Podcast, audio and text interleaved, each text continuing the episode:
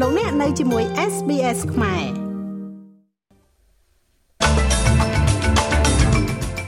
មន្ត្រីជំនាញត្រួតពិនិត្យលើការស្លាប់របស់យុវជនជនជាតិដើមភាគតិចនៅក្នុងមន្ទីរឃុំឃាំងរដ្ឋអូស្ត្រាលីខាងលិចស្ត្រីម្នាក់ត្រូវបានចាប់ខ្លួនក្នុងអំឡុងពេលធ្វើកោតកម្មតវ៉ាមួយនៅមូលដ្ឋានចារកម្មយោធារួមរបស់អាមេរិកនិងអូស្ត្រាលី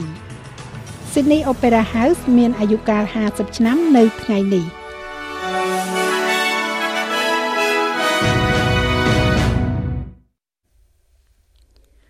រដ្ឋាភិបាលអូស្ត្រាលីខាងលិចនិយាយថាការស្លាប់របស់ក្មេងប្រុសអាយុ16ឆ្នាំជនជាតិដើមភាគតិចម្នាក់បន្ទាប់ពីត្រូវបានគេរកឃើញថាសន្លប់មិនដឹងខ្លួននៅក្នុងបន្ទប់ឃុំឃាំងរបស់ខ្លួនក្នុងអគារលេខ18កាលពីសប្តាហ៍មុននោះឥឡូវនេះនឹងត្រូវស្ថិតនៅក្រោមការសួរដេញដោលជាកំហិតរដ្ឋមន្ត្រីទទួលបន្ទុកសេវាកម្មមន្ទីរកែប្រែគឺលោក Paul Papalia និយាយថានាយកដ្ឋានកំពុងបន្តការស៊ើបអង្កេតរបស់ខ្លួនទៅលើឧបទ្ទហេតុនេះប៉ុន្តែនឹងសហការយ៉ាងពេញលេញជាមួយនឹងអ្នកវិភាគសាកសពការស្លាប់របស់ក្មេងជំទង់រូបនេះទំនងជានឹងបន្ថែមការព្រួយបារម្ភអំពីអាគារលេខ18និង Banksia Hills ដែលត្រូវបានញោមញីដោយឧបទ្ទហេតុបង្កគ្រោះថ្នាក់ដល់ខ្លួនឯងខ្ពស់និងតាក់ទាញការរិះគន់ជាប្រចាំពីអ្នកតស៊ូមតិជនជាតិដើមភាគតិច។ លោករដ្ឋមន្ត្រីនិយាយថាលោកប្រាជ្ញាធ្វើឲ្យលក្ខខណ្ឌប្រសើរឡើង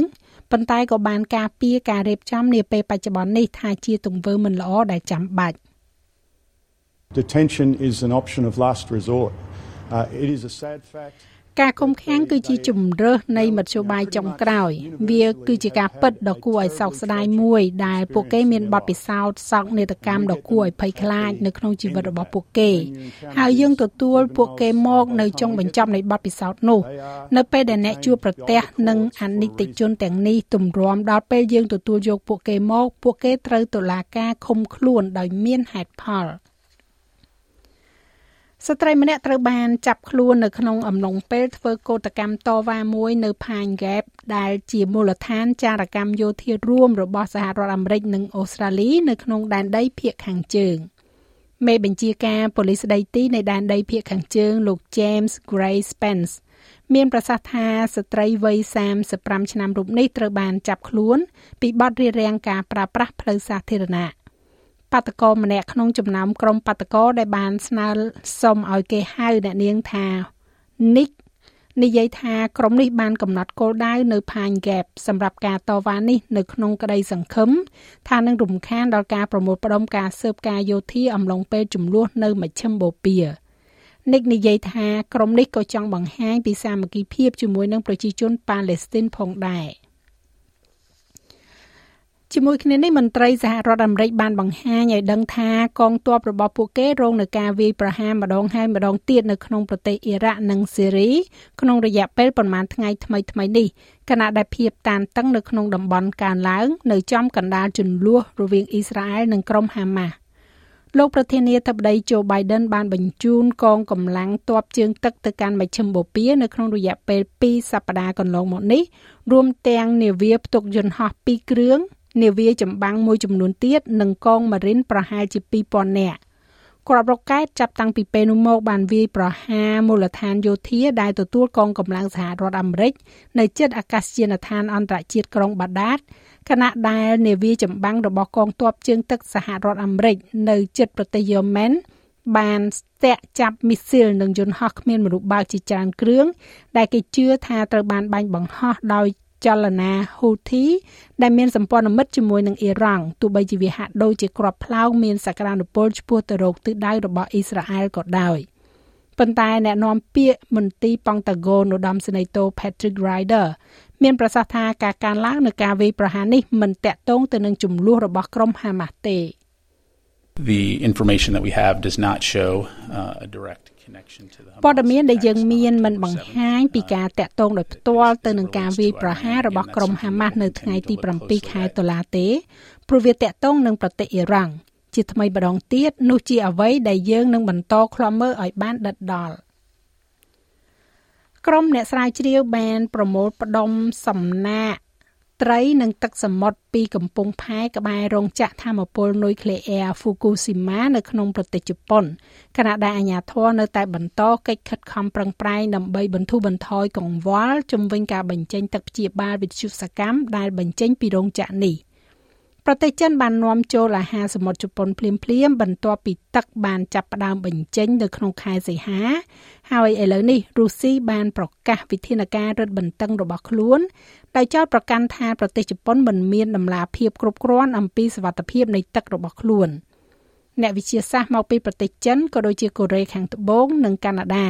ឥឡូវនេះបានស្ថិតក្នុងចំណោមអ្នកសង្កេតការណ៍ដើម្បីចូលរួមជាមួយនឹងក្រុមអ្នកស្រាវជ្រាវទីភ្នាក់ងារធម្មពលអាតូមិកអន្តរជាតិនៅក្នុងការប្រមូលប៉ាន់គំរូលោក Paul McKinney នៃទីភ្នាក់ងារនេះនិយាយថាសម្ភារៈនេះនឹងត្រូវបញ្ជូនទៅមជ្ឈមណ្ឌលស្រាវជ្រាវមួយ នៅក្នុងអាណាខេត្ត Chiba និងមន្ទីរពិសោធន៍របស់ប្រទេសនីមួយៗសម្រាប់ការធ្វើតេស្តដោយឯករាជ្យផងដែរ The Japanese government has requested that we រដ្ឋាភិបាលជប៉ុនបានស្នើសុំឲ្យយើងធ្វើនៅរឿងនេះហើយមូលហេតុមួយដែលពួកគេចង់ឲ្យយើងធ្វើរឿងនេះគឺដើម្បីព្យាយាម និងពង្រឹងទំនុកចិត្តលើទិន្នន័យដែលជប៉ុនកំពុងផលិតខ្ញុំមិនគិតថាវានឹងដោះស្រាយបញ្ហាបានទេខ្ញុំមានន័យថាវាជាបញ្ហានយោបាយអន្តរជាតិដ៏ស្មុគស្មាញប៉ុន្តែខ្ញុំគិតថាវានឹងពិតជាអាចជួយបានខ្លះ អ្នកការទូតកម្ពុជារបស់ប្រទេសបែលហ្សិកប្រចាំនៅប្រទេសអូស្ត្រាលីរំពឹងថាកិច្ចព្រមព្រៀងពាណិជ្ជកម្មសេរីជាមួយនឹងសហភាពអឺរ៉ុបនឹងត្រូវចរចាគ្នានៅចុងឆ្នាំនេះដោយទទួលបាននូវសម្បទានពីភាគីទាំងសងខាងឯកអគ្គរដ្ឋទូតបែលហ្សិកលោក Michael Goffin និយាយថាលោករំពឹងថាកិច្ចព្រមព្រៀងនឹងអាចសម្រេចបានដោយផ្អែកទៅលើកម្រិតខ្ពស់នៃឆន្ទៈនយោបាយពីប្រធានគណៈកម្មការសហភាពអឺរ៉ុប Ursula von der Leyen នេះកើតឡើងនៅពេលដែលរដ្ឋមន្ត្រីពាណិជ្ជកម្មលោក Don Farrell ក្រុងនឹងជួបជាមួយនឹងសមាភាគីសហភាពអឺរ៉ុបរបស់លោកនៅទីក្រុងអូសាកាសម្រាប់កិច្ចប្រជុំរដ្ឋមន្ត្រីពាណិជ្ជកម្ម G7 នៅចុងខែនេះ ការចរចាសម្រាប់កិច្ចព្រមព្រៀងរវាងអូស្ត្រាលីនិងប្លុកនេះបានជាប់គាំងបន្ទាប់ពីកិច្ចពិភាក្សាអស់ជាង10លើកមកហើយដោយមានចំណុចជាប់តាក់ទងនឹងការចង់បានរបស់អូស្ត្រាលីសម្រាប់ការទទួលបាននៅទីផ្សារកាន់តែប្រសើរឡើងសម្រាប់ផលិតផលកសិកម្មរបស់ខ្លួន។ នៅក្នុងប្រទេសអូស្ត្រាលីយើងវិញភ្លើងឆេះព្រៃនៅតែគំរាមកំហែងដល់ទ្រព្យសម្បត្តិផ្ទះសម្បែងនៅតំបន់ភូមិភាគកណ្ដាលនៃរដ្ឋ Queensland ដោយអ្នកស្រុកមិនអាចវិលត្រឡប់ទៅផ្ទះវិញបាននៅឡើយនោះទេសេវាពន្លត់អគិភ័យនិងសេវាសង្គ្រោះបន្ទាន់របស់រដ្ឋ Queensland បានចេញនៅសេចក្តីជូនដំណឹង មិនមានសវត្ថភាពក្នុងការត្រឡប់មកវិញសម្រាប់តំបន់ Oyster Creek នៅជិត Gladstone នៅថ្ងៃទី20ខែតុលានេះជាមួយនឹងការប្រមានក៏មានផងដែរសម្រាប់តំបន់ Deep Water ក្រុមអ្នកពន្លត់អគិភ័យបាននឹងកំពុងប្រយុទ្ធនឹងអណ្ដាតភ្លើងដែលបានឆាបឆេះលើផ្ទៃដីជាង3000ហិកតា ចាប់តាំងពីថ្ងៃអាទិត្យមកម្លេះ។ Sydney Opera House មានអាយុកាល50ឆ្នាំហើយនៅថ្ងៃនេះចាស់គឺនៅថ្ងៃទី20ខែតុលានេះជាមួយនឹងការប្រារព្ធពិធីអបអរសាទរដោយការសម្ដែងពីសំណាក់សិល្បករសិល្បករនីអូស្ត្រាលីនិងអន្តរជាតិប្រមាណជា250នាក់ គេរំពឹងថាមានមនុស្ស37,000នាក់នឹងចូលទស្សនានៅខាងក្នុងអាគារដ៏ល្បីល្បាញបំផុតមួយរបស់ប្រទេសអូស្ត្រាលីនេះសម្រាប់ថ្ងៃបើកពេញលេញជាលើកដំបូងក្នុងរយៈពេល8ឆ្នាំនៅចុងសប្តាហ៍នេះគឺនៅថ្ងៃទី21 22ខែតុលាជាមួយនឹងបទពិសោធន៍និងព្រឹត្តិការណ៍នានាដែលកើតឡើងពេញមួយឆ្នាំអាគារដែលត្រូវបានចុះបញ្ជី ជាបេតិកភណ្ឌរបស់អង្គការ UNESCO ដែលសង់នៅកែមនៃកំពង់ផែស៊ីដនីនេះត្រូវបានសាងសង់ចប់សពគ្រប់នៅឆ្នាំ1973ក្រោមការរចនារបស់ស្ថាបត្យករ John Udson ដែលបានឈ្នះការប្រកួតនៅឆ្នាំ1956ក្នុងចំណោមអ្នកចូលរួម223នាក់មកពី28ប្រទេស។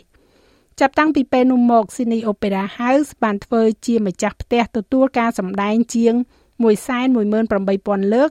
ជាមួយនឹងសម្បត្តិលក់ដាច់អស់ជាង63លានសន្លឹកខណៈដែលមនុស្សជិត11លាននាក់បានមកទស្សនា Opera House ជារៀងរាល់ឆ្នាំនាយកកម្មវិធីលោកស្រី Fiona Winning មានប្រសាសន៍ថា Opera House ដែលដំណើរការកម្មវិធីតន្ត្រីកុមារនិងសហសម័យផងដែរនោះគឺជាកន្លែងសម្រាប់មនុស្សគ្រប់គ្នា។ I can't tell you the number of people that I've met who've walked around like exercised around ខ្ញុំមិនអាចប្រាប់អ្នកពីចំនួនមនុស្សដែលខ្ញុំបានជួបដែលបានដើរជុំវិញនៅទីនេះដូចជាការដើរហាត់ប្រាណនៅជុំវិញ Opera House ប៉ុន្តែមិនដែលបានចូលទៅខាងក្នុងឬគ្រាន់តែមិនគិតថាជាកន្លែងសម្រាប់ពួកគេនោះទេដូច្នេះយើងកំពុងតែខិតខំធ្វើការដើម្បីអញ្ជើញឲ្យមនុស្សម្នាចូលមកក្នុងបទពិសោធន៍ផ្សេងផ្សេងគ្នានៅឯប្រទេសកម្ពុជាវិញ ការចោះឈ្មោះអ្នកបោះឆ្នោតជ្រើសតាំងសមាជិកប្រសិទ្ធិនីតិកាលទី5ឆ្នាំ2024បានចាប់ផ្ដើមហើយកាលពីថ្ងៃទី18ខែតុលាដំណើរការចោះឈ្មោះនេះបានរៀបចំធ្វើនៅឯវិមានរដ្ឋសភានិងនៅតាមសាលាឃុំសង្កាត់ទូទាំងប្រទេសរហូតដល់ថ្ងៃទី14ខែវិច្ឆិកាចំណែកការបោះឆ្នោតនឹងធ្វើឡើងនៅថ្ងៃអាទិត្យទី25ខែកុម្ភៈ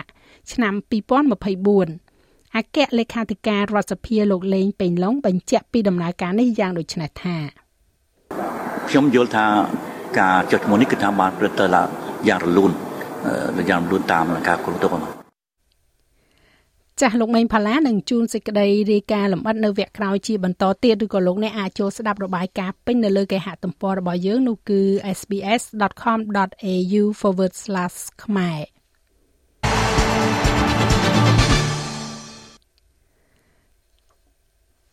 នៅ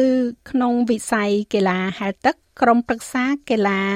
សំទោសក្រុមប្រឹក្សាពិបាលកីឡាហែលទឹកអូស្ត្រាលី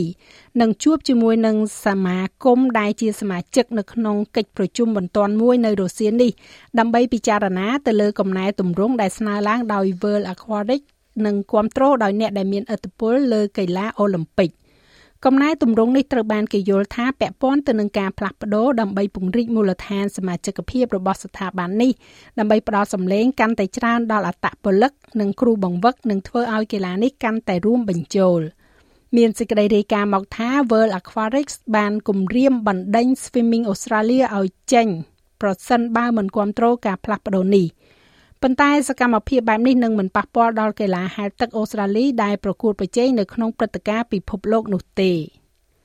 ចំណែកឯអត្រាប្តូរប្រាក់វិញឃើញថា1ដុល្លារអូស្ត្រាលីមានតម្លៃប្រមាណជា63សេនដុល្លារអាមេរិកត្រូវនឹង2600រៀលប្រាក់រៀលខ្មែរ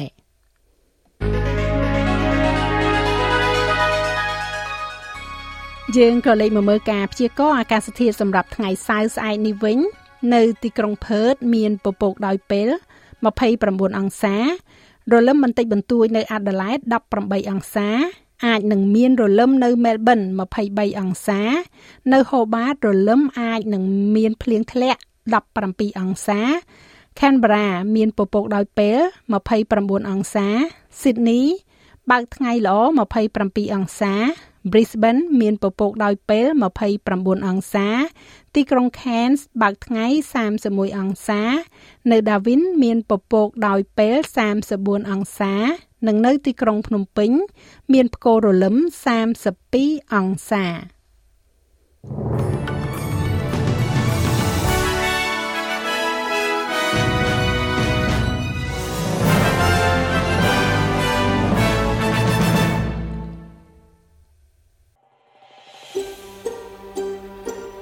ង់ស្ដាប់រឿងក្រៅបែបនេះបន្ថែមទៀតទេ ស្ដាប់នៅលើ Apple Podcast Google Podcast Spotify ឬកម្មវិធីដទៃទៀតដែលលោកអ្នកមាន។